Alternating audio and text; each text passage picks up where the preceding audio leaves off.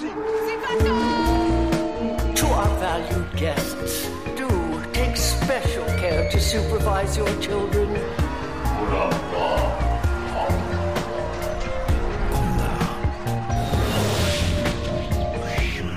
Het is weer ochtend in Pretparkland. Goedemorgen pretparkland en welkom bij je ochtendelijke pretpark podcast. Mijn naam is Erwin Taats en Simon de Frank en ik hebben het vandaag over Disneyland Parijs.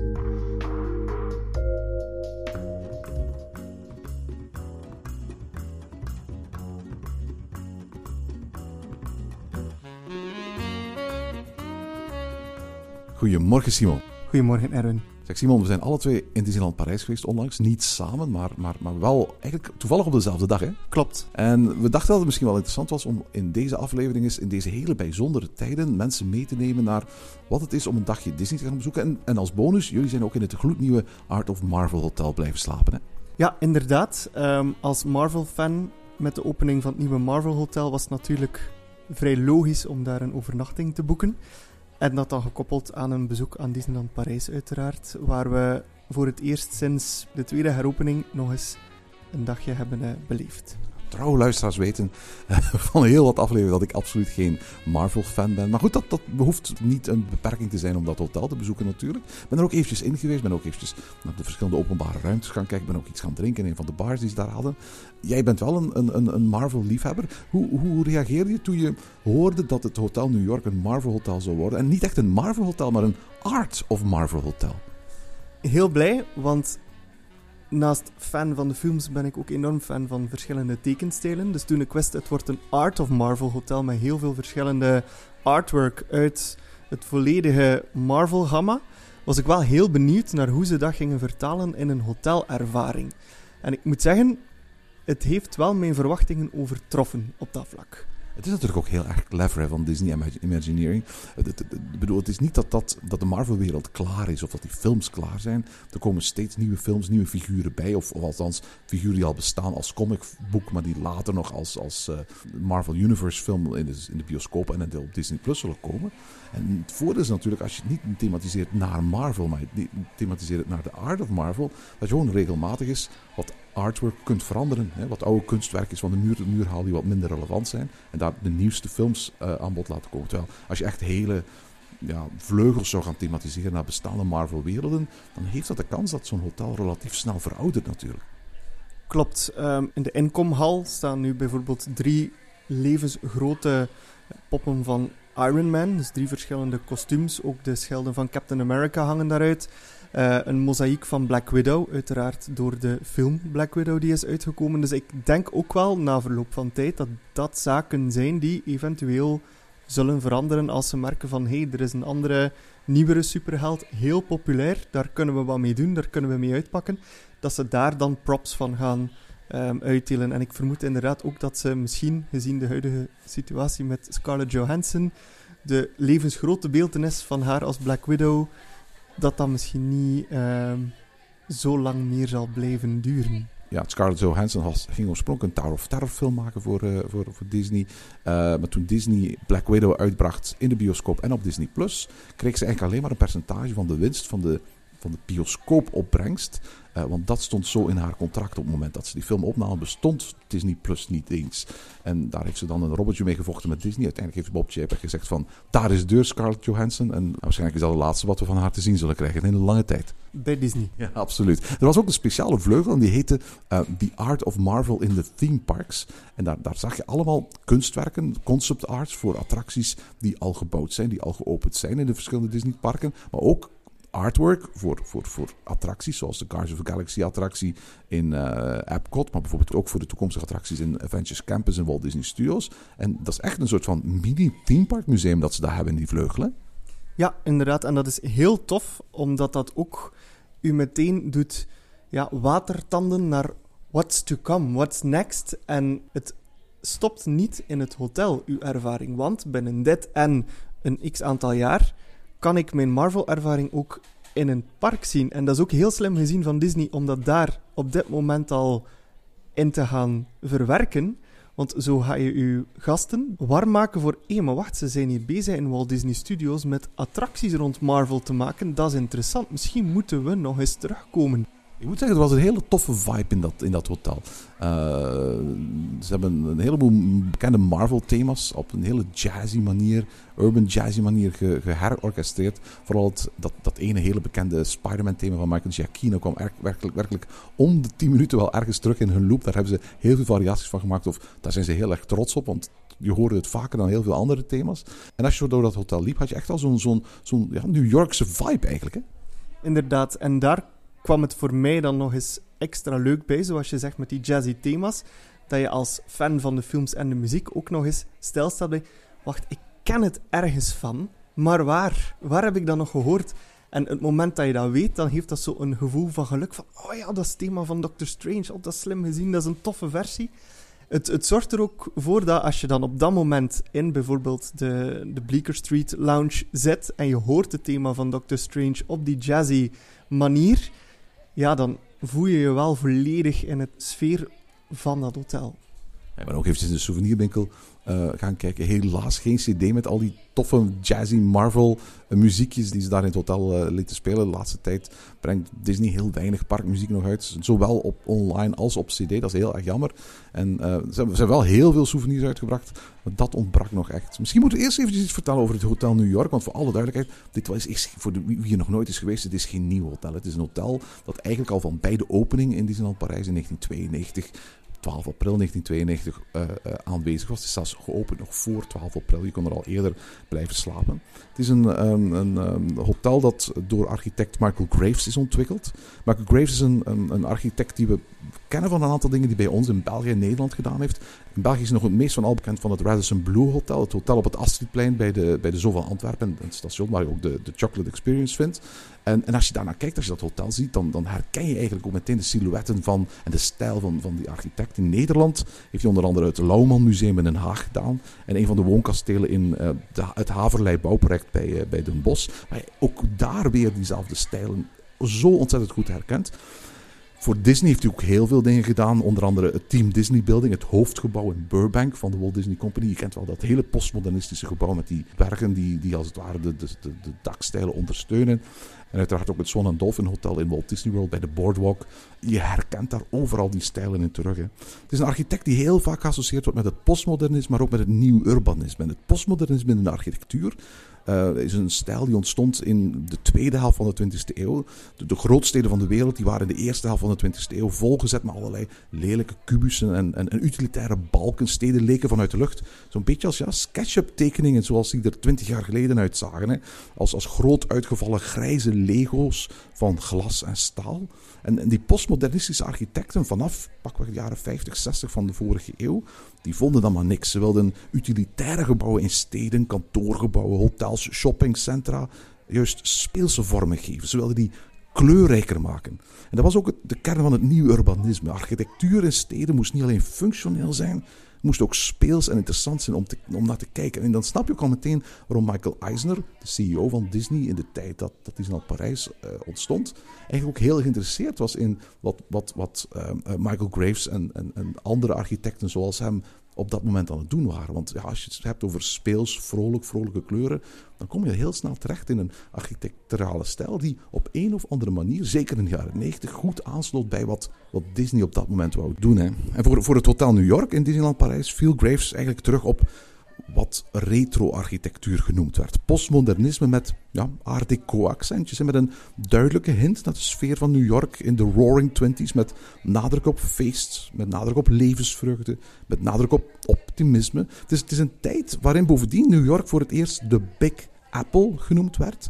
En die naam werd bekend via de columns van John Fitzgerald bij het grote publiek. En vandaar dat Graves overal in dat hele hotel, en dat is tot op de dag van vandaag nog altijd her en der te merken, de figuur in de vorm van appels verwerkte. In vloerpatronen, in lijsten, in het meubilair. Ik moet eerlijk zeggen, ben je ooit in het, in, in het Hotel New York geweest voor het Start of Marvel Hotel was? Nee. Ook niet gewoon eens binnengewandeld? Nee, nooit binnengewandeld. Wel langs gepasseerd, dus de buitenkant gezien, maar nooit binnengewandeld. En wat was je indruk? Waarom ben je niet binnengewandeld? Het was, het was niet lelijk, maar het, het gaf zo niet het ding van, oh, daar wil ik eens binnen gaan. Het, het zag er mooi uit, maar dat niet zoiets zoals bijvoorbeeld Newport Bay Club. Dat je denkt van, wauw, dat is interessant. Ook al ligt dat aan de andere kant van Lake Disney. Ik wil toch eens dichter gaan kijken. Het was van, ja, het is wel mooi, maar daar stopte het. Het had een hele zakelijke look eigenlijk, hè? Ja, klopt. Ik, vond het zelf ook geen mooi hotel, dat Hotel New York. Zeker niet aan de buitenkant. Ik geloof ook dat, dat Graves zelf ooit zich liet ontvallen in een interview. Zelf niet helemaal blij te zijn met hoe dat ontwerp was uitgevallen. Uiteraard, hij had het getekend en vervolgens doorgegeven aan de Imagineers van Disney. Die het vervolgens gebouwd hadden.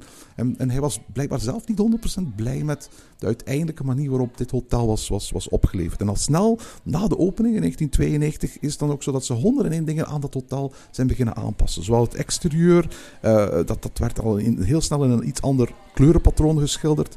En binnenin was alles door het gebruik van hout en marmer eigenlijk nog best wel genietbaar. En, en in elk geval, als je de enorme lobby binnenwandelde, die akoestiek die er was, er waren geen gordijnen, er waren geen tapijten, zorgde echt voor zo'n grote, gepaste, grootstedelijke vibe. Het was een hotel dat New York in naam was, maar dat aan het eind van het vorige decennium echt al een beetje zijn leeftijd begon te zien. het was echt wel tijd dat Disney het eens aanpakte.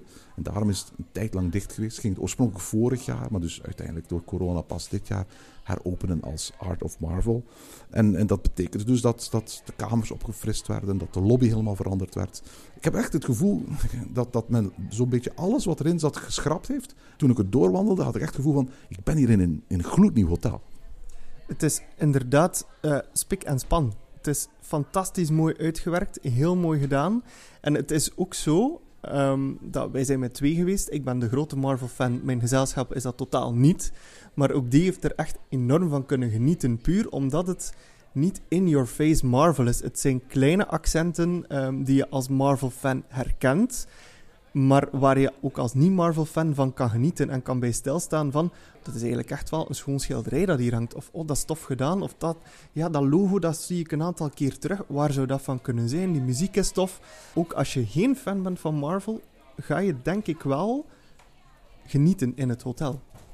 Toen ik er aan de rondwandelen was, had ik het gevoel van dat het een soort van vreemde mix was van meta en, en non-meta in het hotel. Aan de ene kant is het museum over de kunst van Marvel.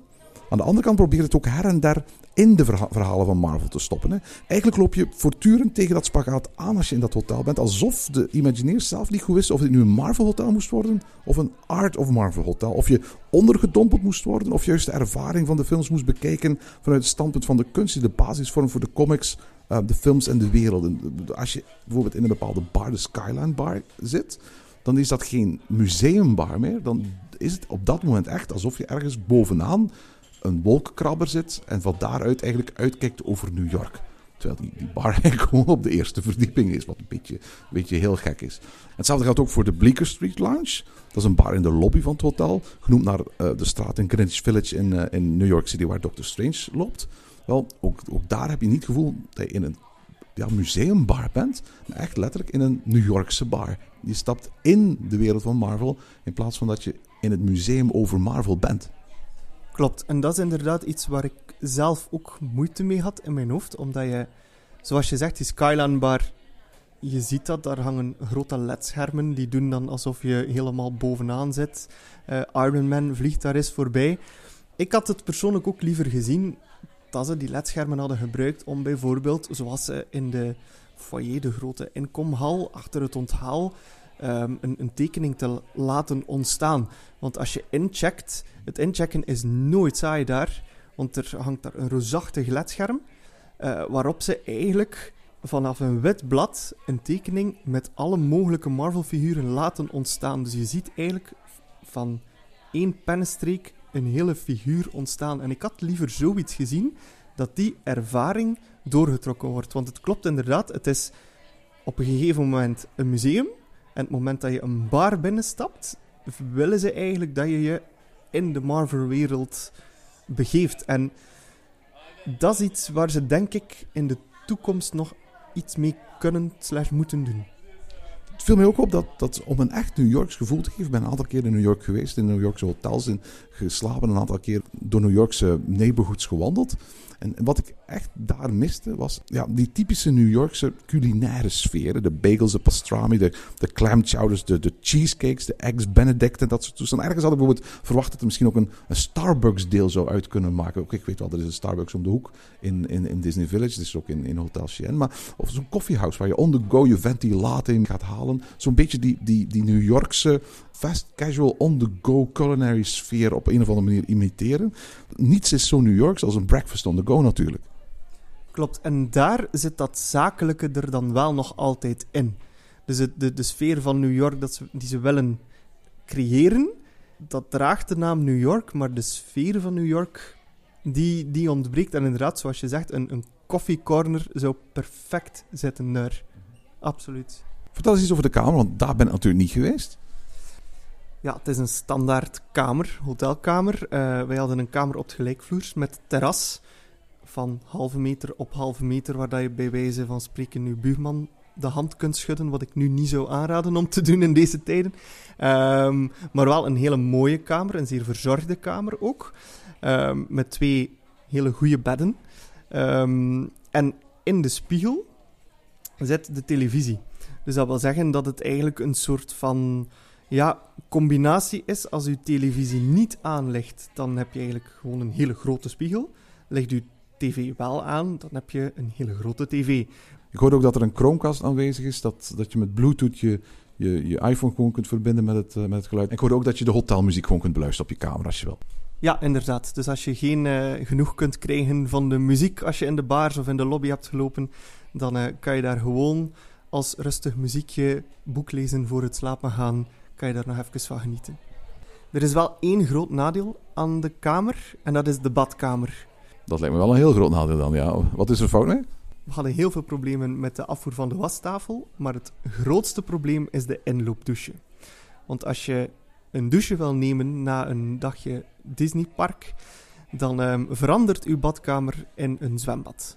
Dus het, er is niet nagedacht van waar gaat dat water naartoe. Dus het, het, het, het stroomt gewoon over de badkamervloer, waardoor we eigenlijk een soort van barricade moesten bouwen van handdoeken en zo, om ervoor te zorgen dat niet heel de badkamer overliep. Met andere woorden, dat een gratis upgrade was een, een kamer met zwembad. Ja, maar dan wel een bonus die je liever niet hebt na een dag park. Um... Zo, is, is dit een constructiefout of zou het gewoon iets zijn dat ze heel makkelijk op kunnen lossen, denk je? Ik denk dat het makkelijk op te lossen is door ervoor te zorgen dat er een beetje hellend vlak in die douche zit en het niet gewoon plat maken, waardoor alles uiteraard gewoon blijft staan. En ik denk dat dat vrij makkelijk op te lossen is door er een paar tegels uit te halen, een paar hellende tegels in te steken en het probleem is opgelost. Bizar, want uiteindelijk heeft dat hotel min of meer in een definitieve staat daar bijna een jaar gestaan. Het ging normaal gezien vorig jaar opengaan. Raar dat zo'n problemen er eigenlijk vandaag nog altijd zijn eigenlijk.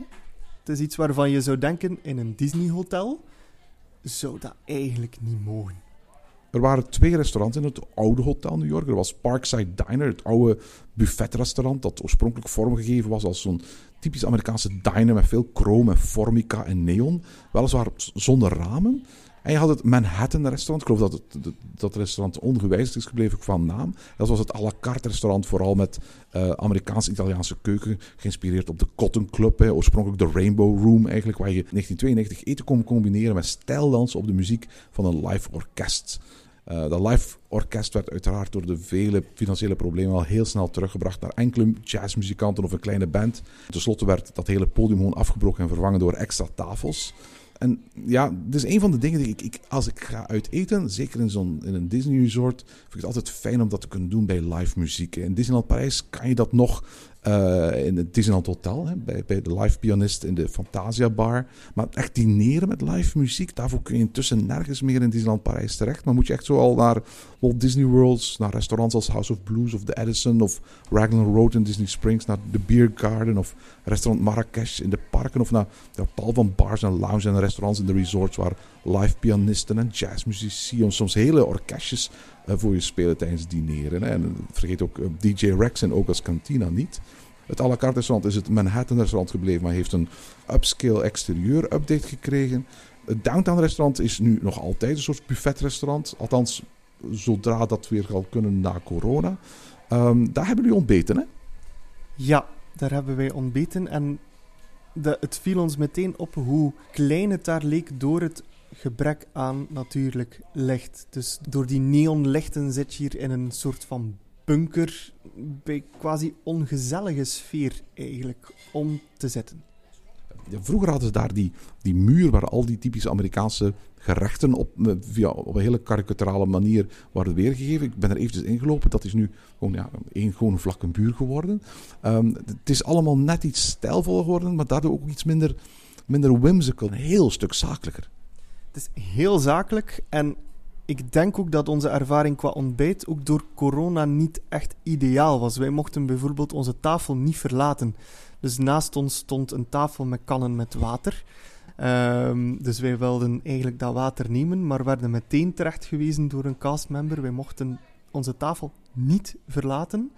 Ehm, en het, het was ook een beetje prijzig voor hetgene dat je maar kreeg. Wat kost een ontbijt in Disneyland Parijs op dit moment? 28 euro. Alright, daar kun je al een heel goed ontbijtbuffet ergens in een chic restaurant voor krijgen. Hè? Dat klopt. Dus we komen aan aan onze tafel. Daar staat een klein mandje met een paar croissantjes, chocoladekoeken, ehm, dat allemaal oké. En dan krijg je eigenlijk via de app uw menu. Maar ook daar is het niet echt ideaal. Je komt aan, je hebt geen borden. Dat bord krijg je pas op het moment dat je iets van de kaart bestelt. Dus als jij zegt, ik heb genoeg met een paar croissantjes, ja, dan moet je eigenlijk al een bord vragen of je eet gewoon op tafel. Nu, à 28 euro zouden dat wel heel dure croissantjes zijn, hè? Dat zouden heel dure croissantjes zijn. En het is, ja, wij hadden ook een beetje pech met ons. Onze castmember, die was ook niet echt met haar beste benen uit bed gestapt. Dus alles wat we... Dat is nog vroeg, hè? Het was nog vroeg, uh, maar alles wat we vroegen was van, oh, moet ik daar nu echt ook nog om? Of moet ik dat ook nog? Maar je had wel genoeg broodjes op tafel staan. Ook niet. Maar, maar je, had, je zou toch mee kunnen vragen? Uh, ja, hebben we ook gedaan. En ook dat was met een, uh, een zucht gebracht. Dat was van, oh, meen die dat nu? En die nu echt nog een chocoladekoekje nodig? Kunnen die dat niet delen? Nee. Het is een beetje hit en miss. Hè. Er zijn fantastische castmembers die, die, die het echt doen alsof hun leven ervan afhangt. En die, die, die, alsof je niet het gevoel hebt dat ze daar op hun werk zijn. Maar in een vrije tijd als hobby doen. Maar je hebt ook echt castmembers die, die niks van die Disney Spirit begrepen hebben. En die komen in, in vergelijking met de parken waar ik in, in zowel Azië als in de Verenigde Staten al geweest ben, nog te vaak voor in, in Parijs. Dat is waar. En het is, het is inderdaad niet zo dat elke castmember daar met een gezicht tot op de grond rondloopt. In de shop bijvoorbeeld hadden wij dan een super enthousiaste castmember.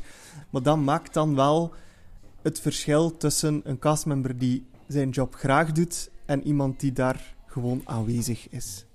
Nu, ik ben in het hotel geweest, maar niet als hotelgast. Um, daarbij ben ik onder andere ook in de vleugel met uh, de, de, de Art of uh, Marvel at the Theme Parks geweest. Daar heb ik wel alles kunnen bekijken, behalve één plek. Dat was Superhero Station. Daar zei een castmember tegen mij van... Nee, u mag hier niet binnen. Dit is alleen voor de gasten van Hotel New York. Voordeel, jullie waren dat wel. Wat is dat? Dat is eigenlijk een soort van fotolocatie... waar je eigenlijk eerst een foto mag kan nemen uh, met een Marvel-held. In ons geval was dat Spider-Man, die overal wel aanwezig is in dat hotel. Ik geloof ook dat Spider-Man de populairste Marvel-figuur is van allemaal. Denk je niet?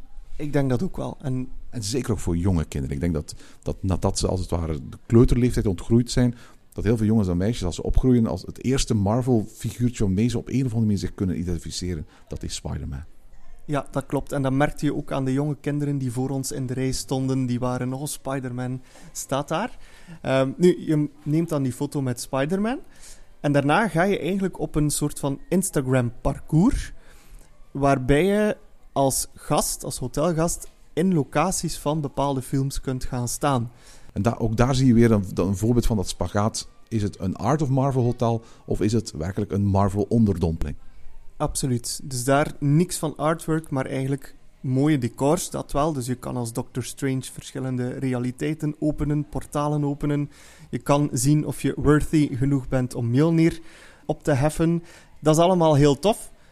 Heeft niets met Art of Marvel te maken, maar is als, als je echt fan bent van de Marvel films, is dat wel the place to be om echt eens het gevoel te hebben van ik sta in een Marvel film. Ook al is het maar voor een foto voor een stilstaand beeld, maar wel heel tof gemaakt. Is dit een, een Disney Photopass locatie of is het echt de bedoeling dat je zelf je foto's met je eigen iPhone maakt? Uh, bij Spider-Man is het een fotopaslocatie, dus daar is er een Disney-fotograaf aanwezig. En alle andere locaties zijn te maken met je eigen apparaat, maar wel op instructie van een castmember die zegt van kijk, oké, er zijn een aantal steppen op de grond waar het de meest ideale invalshoek is om je foto te nemen. Dat wel. Eigenlijk wel jammer, hè? Bedoel, dat, dat, dat fotopas tot op vandaag de dag zo onderbenut wordt in, in, in Disneyland Parijs. We merken dat ook toen we in het park zelf waren. Er zijn wel heel weinig plekken waar, waar Fotopas echt, echt aanwezig is. Ook al staan bij alle kassas die Fotopas, upsell, bordjes. Zo moeilijk en zo duur kan het voor Disney toch ook niet zijn. Om bij elke fotolocatie in die Superhero Station een fotopasfotograaf te zetten.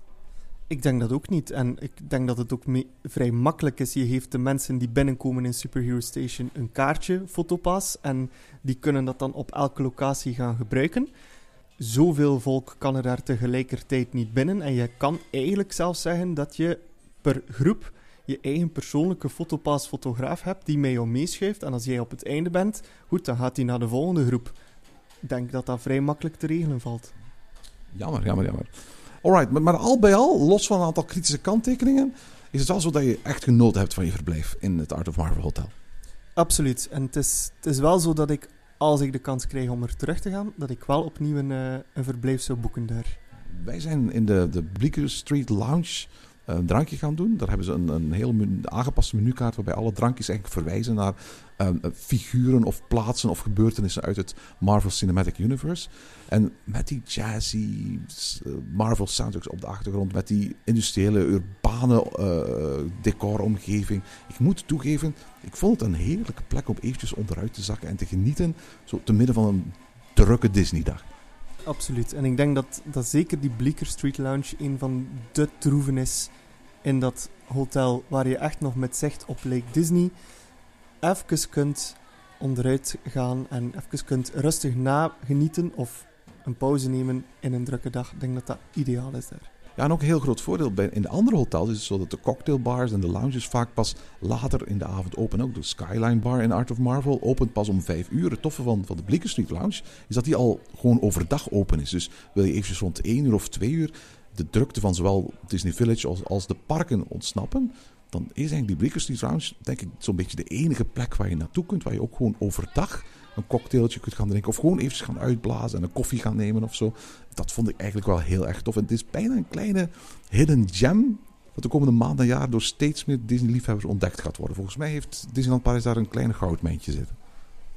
Misschien moeten we eventjes wel vertellen aan de mensen die dit horen, wat er vandaag allemaal komt kijken bij een dagje Disneyland Parijs.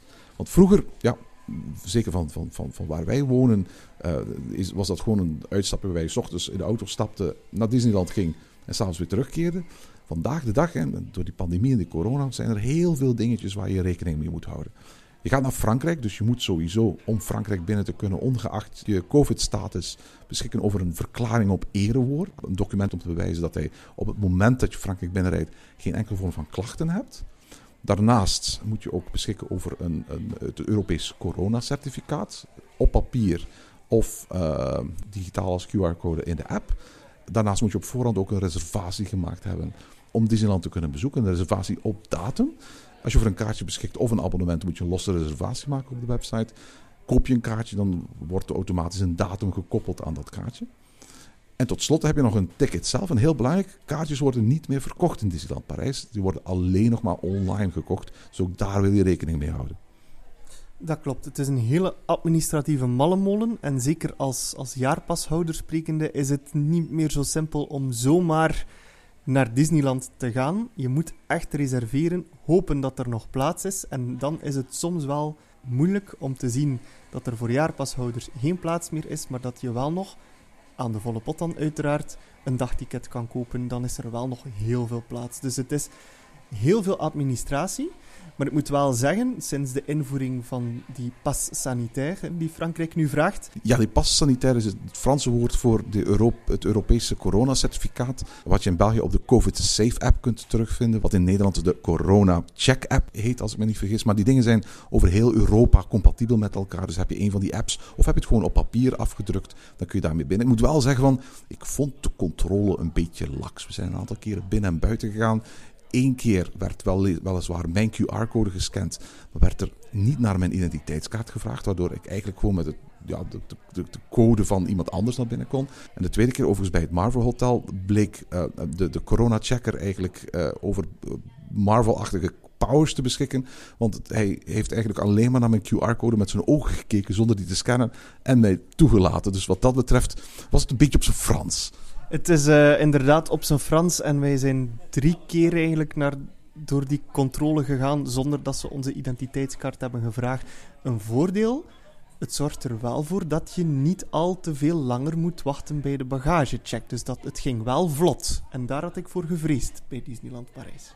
Ja, uiteraard, ze slaan een aantal stappen over om het op zijn Frans te kunnen doen. Maar daardoor ging het allemaal heel erg veel sneller natuurlijk. Um, wat ook heel belangrijk is, we hebben net gezegd wat je allemaal nodig hebt. Wat je ook moet doen, je moet uiteraard een mondkapje bij hebben. Want dat moet je de hele dag aan hebben, ook in het park. Tenzij je ergens neerzit om te eten of te drinken. Of voor de rest, uh, in alle attracties, in alle wachtrijen. Maar ook gewoon als je door het park, de parken wandelt, moet je altijd een mondkapje aan hebben. En wat ook interessant is, er is een app van Disneyland Parijs. En daar is eigenlijk de bedoeling dat je het kaartje dat je gekocht hebt online gaat aan koppelen. Klopt, inderdaad. En dat kaartje heb je nodig voor onder andere de befaamde standby pas te reserveren. Ja, dat moet je even uitleggen. Voor corona was er Fastpass. Dat is wereldwijd in alle Disneyparken uh, stopgezet, dat programma. We weten ondertussen dat bijvoorbeeld in Walt Disney World en Disneyland daar binnenkort een alternatief voor komt in de vorm van de Genie-functie met de Lightning Access. Uh, in Parijs is er voor een ander systeem gekozen. Als je in het park rondwandelt, heb je gewone attracties met stand-by-lijnen. Dat wil zeggen, wil je gewoon Pinocchio doen, dan kun je gewoon in de wachtrij van Pinocchio gaan. Uh, er is ook een betalend systeem. Als je ergens een wachtrij wil overslaan, dan kan dat bij bepaalde attracties. Daar gaan we het zo meteen over hebben. En bij een aantal attracties wordt ook virtueel wachten, virtual queuing gebruikt. En dat is de reden waarom ik daarnet zei, je moet je, je, je ticket eigenlijk koppelen in de app. Hè? Ja, bijvoorbeeld bij Big Thunder Mountain, maar wij hebben het proberen te gebruiken bij Crush's Coaster. Dat klinkt niet hoopgevend dat is het ook niet. Uh, voor ons toch niet. Uh, het, het houdt eigenlijk in dat je op een drietal momenten in de app een standby pas kan gaan verkrijgen. Als je zegt drietal momenten, dat is een aantal momenten doorheen de dag dan. Klopt, om 11 uur is er eentje, om 1 uur en om 3 uur. Dus telkens zitten er 2 uur tussen. Dan moet je eigenlijk klaarzitten met je applicatie om aan te geven: ik heb zoveel tickets, dus die aantikken. En dan verder gaan om te zeggen: kijk, ik wil dan in de rij gaan staan. Want dan moet je ook nog gaan wachten. Maar het probleem is dat er daar heel weinig mensen iets van weten. En als je pech hebt, raak je er gewoon niet in. Ja, want voor alle duidelijkheid, als bij een attractie virtual queuing gebruikt wordt, het, virtueel wachten gebruikt wordt, dan worden de standby rijen op dat moment niet gebruikt. Op dat moment kun je niet zomaar mee gaan aanschuiven in de rij. Klopt, het enige moment waarop je die attractie dan kan doen is tussen openingstijd en het eerste moment waarop je de standby pas kan gebruiken. Als je daarna geen standby pas kan verkrijgen via de app, dan kan je die attractie op die dag niet doen. Maar ik hoorde je daar net iets heel positiefs zeggen. Je zegt heel weinig mensen weten van dat gebruik af. Dus dan ga ik er eigenlijk vanuit dat het ook relatief gemakkelijk is om zo'n standby pas te pakken te krijgen. Dat dan weer niet. Want voor de ingang van de attractie staat dan zo'n informatiekiosk met heel wat castmembers die tablets in hun handen hebben en die dan eigenlijk voor jou de uitleg doen wat is een standby pas, waardoor je er eigenlijk echt heel snel moet bij zijn. Wij hebben de proef op de som genomen. Uh, om 11 uur effectief de app aangelegd en we konden al niet meer. Het zat al vol. En om 1 uur? Zat het ook vol. En om 3 uur? Zat het ook vol. Oei, dat is frustrerend dat is heel frustrerend. We hebben twee dagen geprobeerd om Crush's Coaster te doen en het is ons niet gelukt. Dat is het nadeel van al die virtuele systemen natuurlijk. Zolang er een echte standby line is, kun je altijd nog gaan aansluiten. Ook al ben je bereid om drie uur of vier uur te wachten.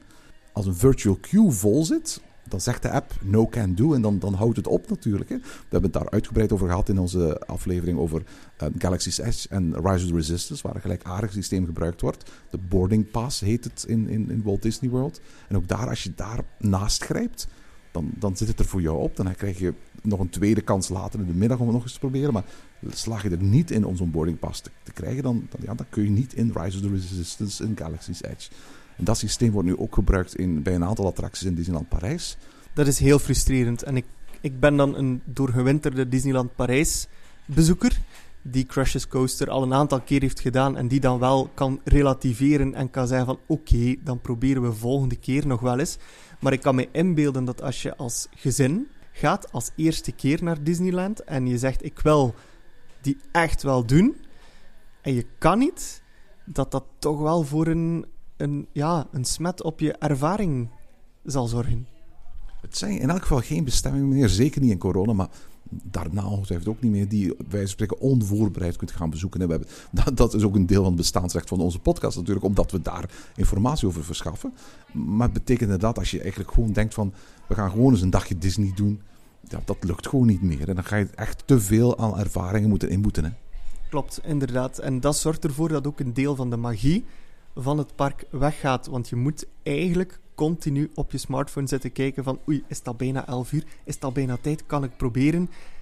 En ja, dat zorgt dat je eigenlijk telkens uit die bubbel weggerukt wordt.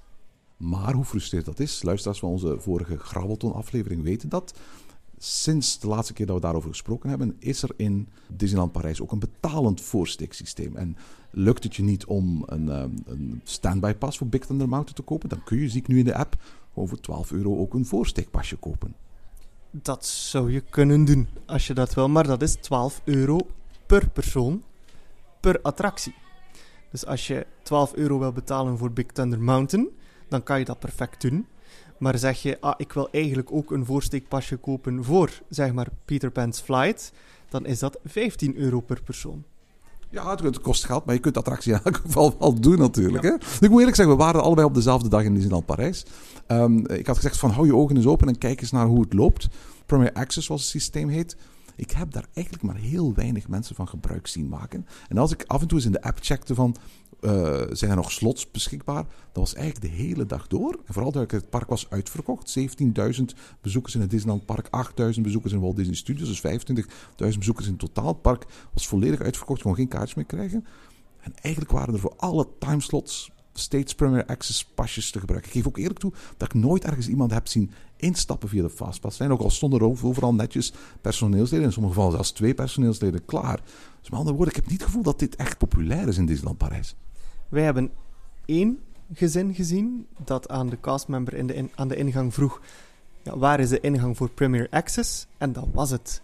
Bij Big Thunder Mountain stond een castmember inderdaad gewoon te wachten, hopend op iemand die via de oude Fastpass-ingang toch Big Thunder Mountain zou gaan betreden. Maar ik vermoed dat veel mensen of het nog niet zo goed weten, ondanks de vele reclameborden, of ook gewoon vinden dit is te duur en de wachtrijen vallen eigenlijk gewoon goed mee. Ja, je zegt er nu wel, want inderdaad, er zijn heel, wordt heel veel reclame voor gemaakt. Als je de app openmaakt, krijg je meteen een pop-up met reclame voor Premier Access. Overal worden Premier Access wachtrijen heel goed aangeduid. Er staan mensen met foldertjes om, om, om meer uitleg te geven. En bovendien is het ook zo bij de gewone rij hangen heel lelijke gelamineerde affiches uit met reclame voor die, voor die uh, Premier Access. Uh, dus je kunt er echt niet naast kijken als je in het park komt. Maar ik heb het gevoel, aan de ene kant het is ook niet super druk. Ondanks dat het uitverkocht werd, het feit dat er geen fastpass meer is, zorgde er wel voor dat je eigenlijk wel heel veel kon doen. We zijn een hele dag in het Disneyland Park geweest. We hebben echt elke attractie gedaan, verschillende zelfs meer. In het laatste uur alleen hebben we en Pirates en alle Fantasyland Dark Rides gedaan. we hebben Pinocchio, Peter Pan, Sneeuwwitje, allemaal gewoon meteen aan elkaar kunnen doen. Dus wat dat betreft, ik denk dat langzaam in de rij hebben gestaan iets van een dik half uur was ergens. Goed, als je heel ongeduldig bent, dan ga je daar misschien voor betalen. Maar voor de meeste mensen denk ik dat dit op dit moment heel acceptabele wachttijden zijn. Absoluut. En ik denk dat het effect van wat Premier Access kan of zal doen, dat dat maar zal duidelijk worden op het moment dat die capaciteit weer verhoogd wordt. Als ik spreek in een normaal kerstseizoen, dat dan, als je wachttijden bij Big Thunder Mountain van 120 minuten hebt bijvoorbeeld, dat er dan misschien wel meer mensen geneigd zullen zijn om daarvoor te gaan betalen. Maar ik denk, zolang die, die capaciteitsbeperking er zit, vraag ik me eigenlijk af waarom Disney het nu lanceert. Is heel bijzonder, want inderdaad ook bij in Walt Disney World en Disneyland wordt het pas later dit jaar gelanceerd. Terwijl daar ook al veel meer coronamaatregelen teruggeschroefd zijn. Bij ons is er en nog de manmaskerplicht, maar tegelijkertijd ook nog de afstandsplicht. Er mag maximaal 65% van de totaalcapaciteit aan bezoekers worden binnengelaten. Het is een heel raar moment. Misschien willen ze gewoon het systeem technisch testen, ook al beseffen ze dat er heel weinig mensen gebruik van zullen maken. Maar ik had wel het gevoel van, als je bij elkaar kijkt hoeveel personeelsleden daar staan niks te doen. Terwijl er op heel veel andere horecaplekjes gesloten waren, waar, waar niks werd verkocht. Dan dacht ik van, Disney, ik weet niet of dit de beste manier is om in, in, in dure tijden als deze je personeel eh, op die manier in te gaan zitten. En ik kan me ook niet voorstellen dat ze dit heel lang zullen volhouden. Eh, vooral duidelijkheid, we zijn op dit moment nog augustus. Maar straks in september breekt echt het laagseizoen, zeker door de weeks aan. Ik kan me bijna niet voorstellen dat ze het gaan blijven volhouden tot kerst. Want dit moet handenvol geld kosten, zonder dat het iets opbrengt. Ja, ik, ik stel me die vraag ook. Het is denk ik beter van uw personeel in, ik zeg maar iets, La Bottega de Geppetto te zetten. Een winkeltje dat al een jaar aan een stuk dicht is. Ja, zet dat dan daar. Dan kun je tenminste nog iets, iets verkopen. Maar ja, zoals ik zei, de castmember aan Big Thunder Mountain, die stond daar. Voor die persoon is dat makkelijk geld verdiend. Maar het kost inderdaad handenvol geld. Dus je zegt er nu wel, makkelijk geld verdienen. Maar ik, men, men, heeft mij ooit gezegd dat een van de lastigste jobs ter wereld... dat dat suppost in een museum is. Want je staat de hele dag bijna niks doen... en dan gaan de minuten ontzettend langzaam voorbij. Vele malen langzamer dan wanneer je voortdurend dingen kunt doen. Ik kan me voorstellen dat het vele keren toffer is... om mensen voortdurend te helpen in- en uitstappen in, in karretjes... dan om echt letterlijk de hele dag voor niks te staan wachten op een brug bij Buck Mountain op de splitsing waar, waar, waar Premier Access en de gewone reis samenkomen. Dat, dat, dat, dat lijkt me ontzettend saai. Het is, het is denk ik ook een beetje dodend voor de, de motivatie van die castmembers. Laten we hopen dat het vooral dodend is voor Premier Access. Hè? Ja, maar ik moet wel zeggen, sinds Fastpass er niet meer was, door corona dan uiteraard, moet ik wel zeggen dat die wachttijden, de gewone standby wachttijden, die vielen zeer goed mee. Ze vallen goed mee en er is nog iets. Je schuift veel sneller door. Big Thunder heb ik werkelijk de volledige wachtrij gedaan. De volledige wachtrij, dus letterlijk van de ingang tot aan het station, stond volledig vol. Ten eerste, je staat geen seconde stil, je wandelt voortdurend door. En ten tweede, de hele wachtrijgebouw doorlopen, dat, dat duurt geen half uur. Nee, want wij wilden ook aanschuiven voor Big Thunder Mountain. Wij zagen dat de wachtrij tot buiten het gebouw stond. En we dachten, ja, moeten we dit nu wel gaan doen? Er staat een half uur op het bord. Dat kan toch niet? Maar inderdaad, je loopt gewoon continu door. Waardoor je ook niet het gevoel hebt van, ik sta hier te wachten. Dus er is werkelijk geen enkel dood moment in je wachtrij, omdat er ook geen fastpass tussen komt. Dus je blijft continu gewoon doorlopen. Er is geen oponthoud. Toen Premier Access en Genie aangekondigd werden, kreeg je echt een soort van verheerlijking van Fastpass bij ons en van Fastpass Plus in Amerika. Maar, maar, veel mensen beseffen niet hoe groot die impact op de normale wachtrijen eigenlijk wel niet was. En hoe, hoe laag de wachtrijen worden zodra je als het ware niet vier vijfde van alle bezoekers een, een fastpassje gaat geven. Eigenlijk virtueel laat meewachten in een onzichtbare rij die daar ook staat natuurlijk. Een heel groot nadelig bijeffect hiervan is dat de wachtrijen nu wel heel veel ruimte innemen in het park. Dat zie je bijvoorbeeld bij, Peter Pan. Daar is normaal gezien relatief weinig rij nodig, omdat het grootste deel, denk 80% eh, van iedereen vroeger een fastpassje kreeg. Nu moet nagenoeg iedereen, behalve de mensen die Premier Access kopen, door de gewone wachtrij. Wel, een half uur wachtrij betekent niet alleen dat de gewone wachtrij volledig vol staat. Ook de meandering naast het gebouw staat volledig vol. Maar ook een extra meandering die het volledige plein inneemt voor de ingang van het restaurant Toad Hall stond ook volledig vol voor amper een half uurtje wachten. En dat heb je overal. Je ziet overal um, bij Big Thunder Mountain, die, die, die, die wachtrij die puilde uit tot ver in, in, in, in, in Frontierland. En we werken op dit moment nog maar met 65% capaciteit. Daar gaat een oplossing voor moeten komen, want dit park is, zeker na de conversie van Fastpass, echt niet meer gebouwd op het feit dat zoveel mensen in een gewone standby-lijn staan. Ja, en dat hebben wij gemerkt in het Studiospark bij Ratatouille, waar eigenlijk de wachtrij aan de zijkant van de inkomlaan van, uh, van het gebied ook zich al begon te vormen. Dus er stonden mensen tegen de muur en we dachten, ja, er is schaduw, het was een zonnige dag. Die mensen staan in de schaduw. Nee, die mensen stonden te wachten tot ze door een castmember werden overgelaten om in de bekende, bestaande wachtrij van Ratatouille gelaten te worden. En dat is heel bizar, want je komt eigenlijk het gebied binnen, wat een heel mooi gebied is, en daar staat al een wachtrij. En dat geeft al meteen het gevoel van, oei, er staat wel heel veel volk te wachten. Ja, niet alleen dat. Uh, in veel gevallen strekken die rijen zich voorbij ingangen van winkeltjes, uh, horecapuntjes. Ik hadden het daarnet over Toad Hall, maar bijvoorbeeld ook Chez Marianne in, in, in, Ratatouille wordt volledig geblokkeerd door, door wachtrijen. Of althans, castmembers moeten ingezet worden zodat die wachtrijen die ingangen niet gaan blokkeren. En dan schuilt daar natuurlijk een heel groot gevaar in. Namelijk dat Disney op een bepaald moment gaat zeggen van... Ja, maar dit park is niet gebouwd voor zoveel wachtrijen. De oplossing is om al die wachtrijen te gaan vervangen door virtuele wachtrijen. Dat we gaan zien hoe als Premier Access niet aanslaat en Fastpass niet terugkeert... dat potentieel veel meer attracties een virtuele wachtrij gaan krijgen. En dan krijgen we weer het probleem waar jij mee zat bij Crush's Coaster.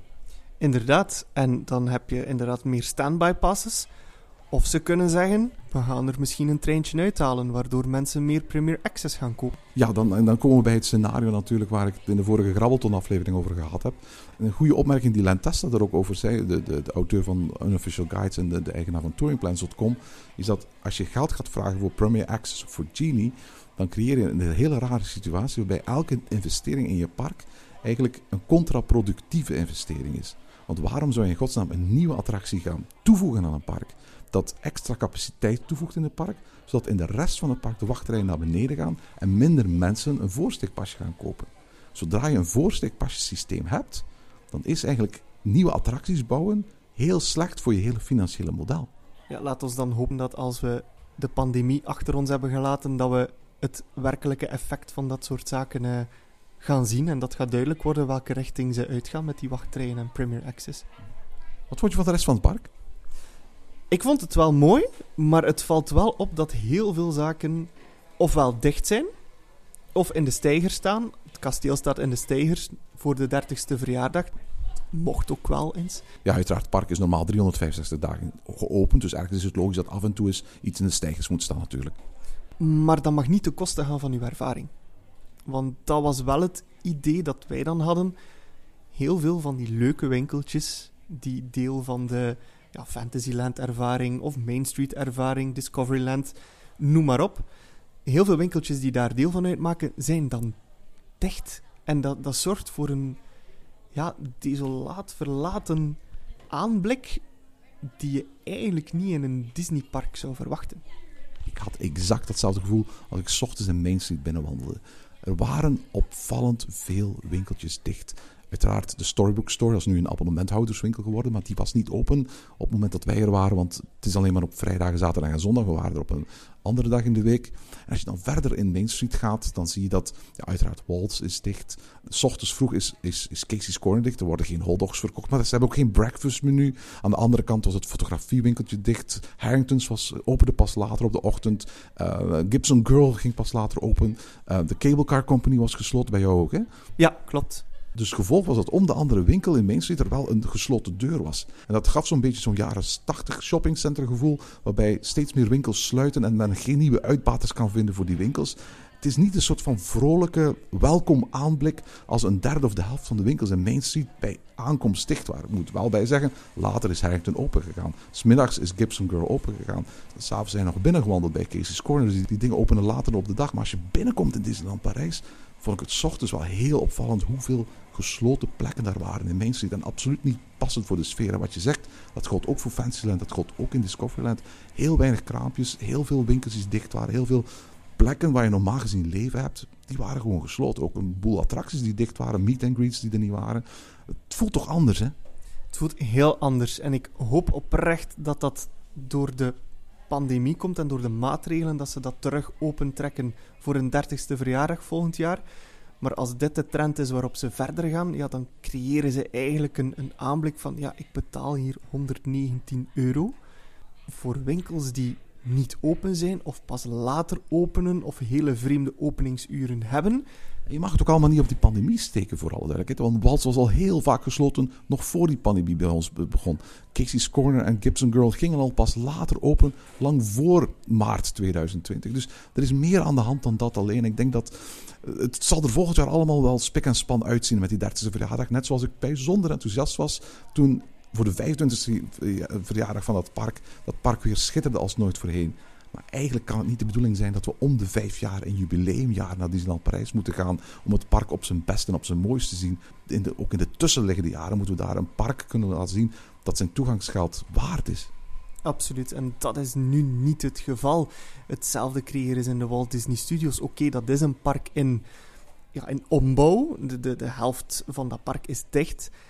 Maar open dan alles wat open kan. En dat is ook niet het geval, waardoor je in het Walt Disney Studios Park amper tijd nodig hebt, of als je dan een attractie wacht, dat die wachttijd enorm lang is. En het is zo jammer dat ze zoveel potentieel hebben, maar het op dit moment niet gebruiken. Ik ga meteen wat nuancering aanbrengen bij, voor de grootste critici. Ik denk dat we alle twee ook heel erg hard genoten hebben van Disneyland Parijs. Het was een fantastisch zonnige dag toen, toen ik er was. Het was heerlijk weer, het was meer dan 30 graden. Uh, het was zweten onder dat mondkapje. Maar het was zo fijn om terug in Phantom Manor te kunnen. Om terug in Big Thunder Mountain rondjes te kunnen doen. Om, om, om de, de riverboats langs de Rivers of the Far West te kunnen doen. Om terug eens in Pirates of the Caribbean te kunnen varen. Om die dark rides van, van, van Fantasyland te kunnen doen. Om terug in Star Tours The Adventures Continues te, te zijn. Gewoon om in dat fantastisch mooie, prachtig ontworpen park te gaan zijn. Het heeft gewoon dat, dat kleine beetje extra pazas nodig. Dat kleine beetje TLC dat het park echt over de top zou, zou, zou, zou trekken. En ik geloof niet dat alle problemen die we nu opnoemen puur en alleen op die coronacrisis uh, te steken zijn. Ze hebben inderdaad, zoals Peter Pan het zou zeggen, een beetje meer pixie dust nodig om het weer te laten schitteren. En inderdaad, het was een zalige dag. Ik was heel blij toen ik Pirates of the Caribbean weer mocht ruiken. Om, om weer Big Thunder Mountain in te gaan. Het is, het is een fantastisch park, nog altijd. Ik hoop echt dat ze ja, zoals ik zei, die pixie dust er weer kunnen overstrooien. Dat het fonkelt als nooit voorheen. Want dat mag wel. Na het horrorjaar dat ze achter de rug hebben voor die 30ste verjaardag om er weer te staan. Zou in elk geval een heel mooi 30ste verjaardagsfeestje zijn. Mocht het park er straks weer fantastisch uitzien. En zo goed als alle negatieve dingen die de afgelopen anderhalf jaar hebben meegemaakt rond corona. Op dat moment zo goed als volledig achter ons kunnen laten. En daar op 12 april bij wijze van spreken een, een, een herboren Disneyland Parijs kunnen zien. Voor de zoveelste keer. Dat zou wel tof zijn. En daar dan ook meteen gewoon een, een feestje van maken. Gewoon in het hart van de magie het volledige anderhalf jaar vergeten en kijken naar de toekomst. En tot zover deze aflevering van Ochtend in Pretparkland. Volg ons via het Pretparkland op Twitter, Instagram en Facebook of mail naar ochtend.pretparkland.be. Ochtend in Pretparkland is de pretparkpodcast voor vroege vogels. Bedankt voor het luisteren en maak er een fijne dag van.